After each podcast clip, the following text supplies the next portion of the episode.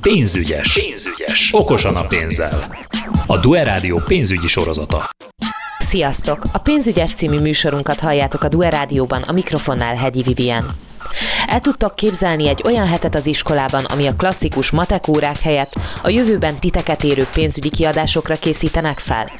Tudjátok, mi a különbség az egészségbiztosítás és az egészségpénztár között?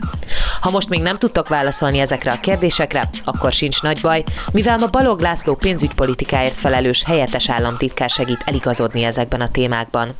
Kezdésnek fejtsük is ki, mi az a pénzhét és miről szól. Pénzhét az egy 8 éve ismétlődő rendszeres esemény sorozat, amely arról szól, hogy az iskolákban, általános iskola felső tagozatában és középiskolákban egy héten keresztül úgynevezett tematikus hét zajlik, és a tematikus hét keretében pénzügyi ismereteket, pénzügyi magatartás, pénzügyi feladatokat, de ezekkel foglalkoznak órákon a diákok, az pedagógusokkal együtt, és sokszor nem csak a pedagógusokkal, hanem gyakorlati szakemberekkel is, akik a pénzügyi vagy éppen a vállalkozói világból érkeznek. Tehát gyakorlatilag egy hetet az oktatási rendszer elkülönít mindazoknak az iskoláknak, akik erre jelentkeznek, és ezen a héten kicsit kiszakadva a hétköznapi verkliből, a hétköznapi taposómalomból egy külön témával, a pénzügyi témával lehet foglalkozni. Ezt nagyon fontosnak gondoljuk egyébként, mert az iskolának, ahogy szokták mondani, az életre kell nevelni, és hát ugye az, az nem kell sokat bizonygatni, hogy az élet az tele van pénzügyi vagy pénzügyi vonatkozású feladatokkal, kihívásokkal, és az nagyon fontos, hogy a fokozatosan és folyamatosan a diákok, fiatalok megismerkedjenek azokkal a kihívásokkal, meg helyzetekkel, meg fogalmakkal, meg folyamatokkal, amelyek azért fontosak, hogy amikor kilépnek az életbe, akár egyetemistaként, de már középiskolásként is, akkor az alapvető fogalmakkal, feladatokkal, lehetőségekkel tisztában legyen. Kinek a kezdeményezésére és mikor indult el Magyarországon a programhét? Hát ez nyolc éve történt meg.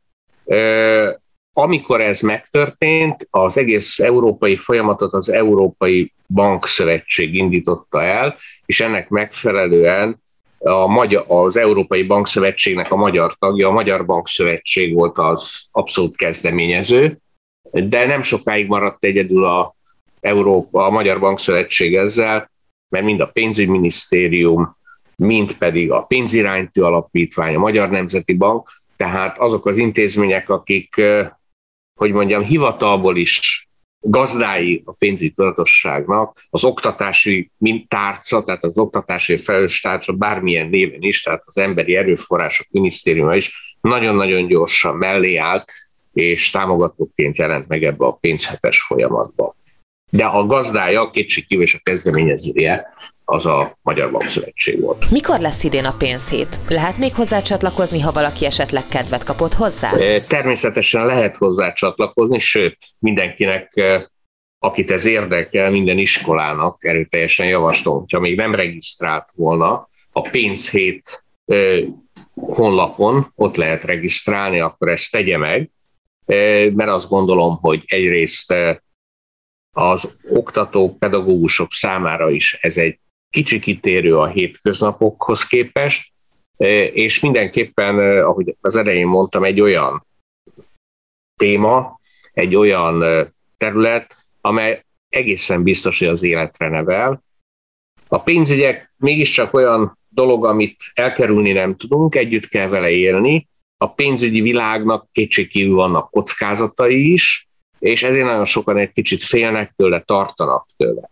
Ha megismerjük ezeket a kockázatokat, megismerjük, hogy hol vannak a biztonságos utak, akkor ettől nem félni kell, hanem ki kell igazodni benne, és ha ki tudunk magabiztosan igazodni benne, akkor egészen biztosan, hogy hasznát tudjuk venni, pozitív hasznát tudjuk venni ennek a pénzügyi világ által meghatározott környezetnek, amiben élünk.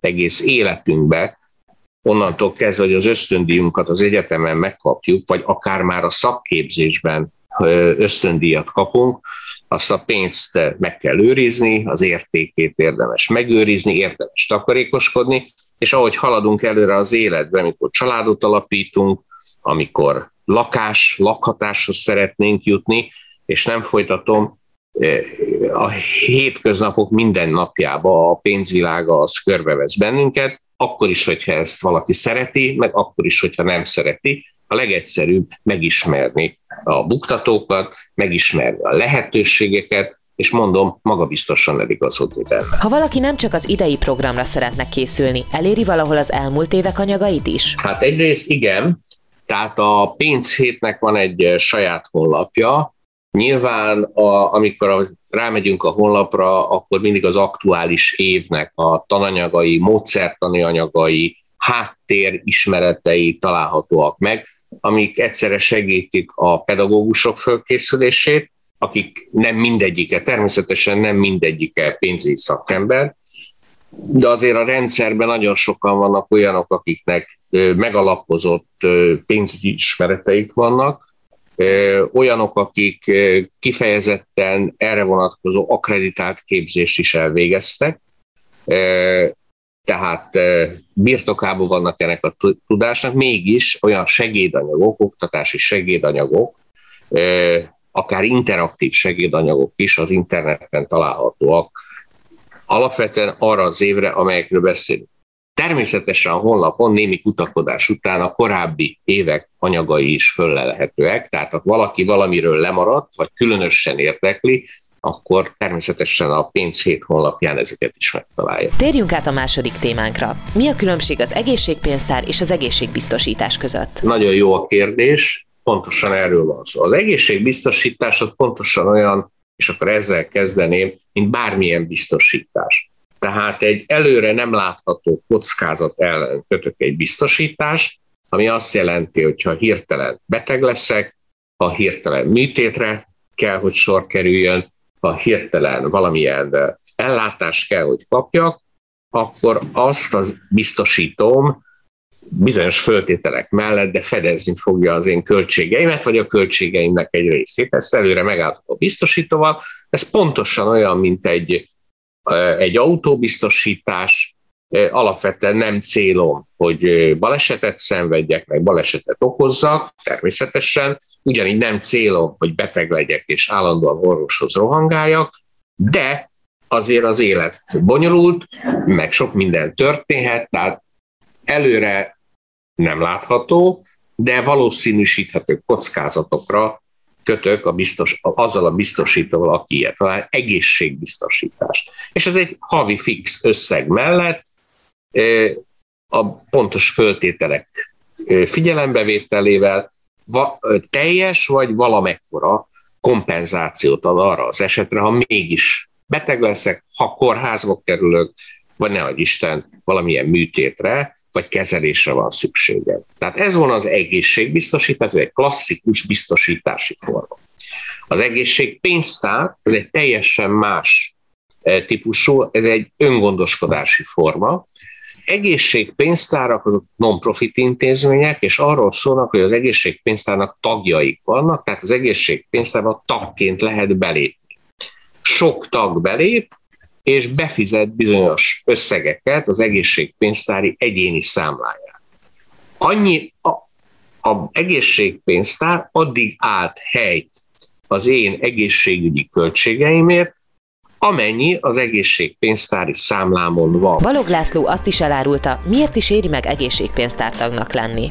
Azért éri meg, mert az állam ezt támogatja az egészségpénztári eh, tagságot, azzal, hogy annak az összegnek a 20%-át, amit én befizettek erre a pénztár számlára, egyéni számlára, eh, annak a 20%-át később eh, az adóbevallásomba, a személyi jövedelem bevallásába visszaadja nekem 750 ezer forint erejéig, tehát maximum 150 ezer forintot lehet visszakapni a személyi jövedelemadó bevallásba, ami azt jelenti, hogy eh, abba az összegbe, hogy az egészségpénztárból fizetek ki adott esetben magánorvosi számlákat, fogorvost például, gyógyszereket, vagy gyógyászati segédeszközöket, ugye szemüveget például, amiket mind el tud számolni az egészségpénztár.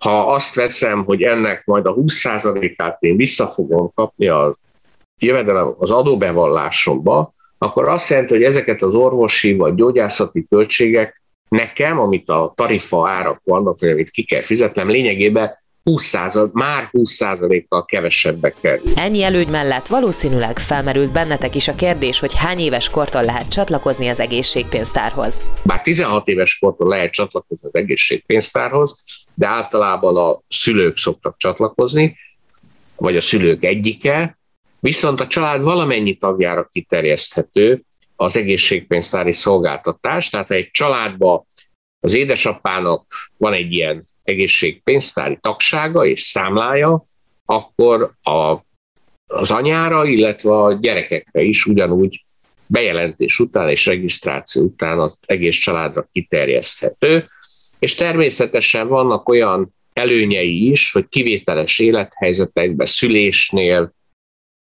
vagy táppénzkiesésnél is eh, adott esetben igénybe lehet venni az, azt az összeget, ami az egészségpénztárban, számlában különböző kifizetésekre. Reméljük sok új információt kaptatok a mai adásból, és sokan vesztek majd részt a pénzhéten. Legközelebb találkozunk, további szép napot nektek. Sziasztok! Pénzügyes. Pénzügyes. A Duel Rádió műsorát a pénzügyminisztérium támogatja.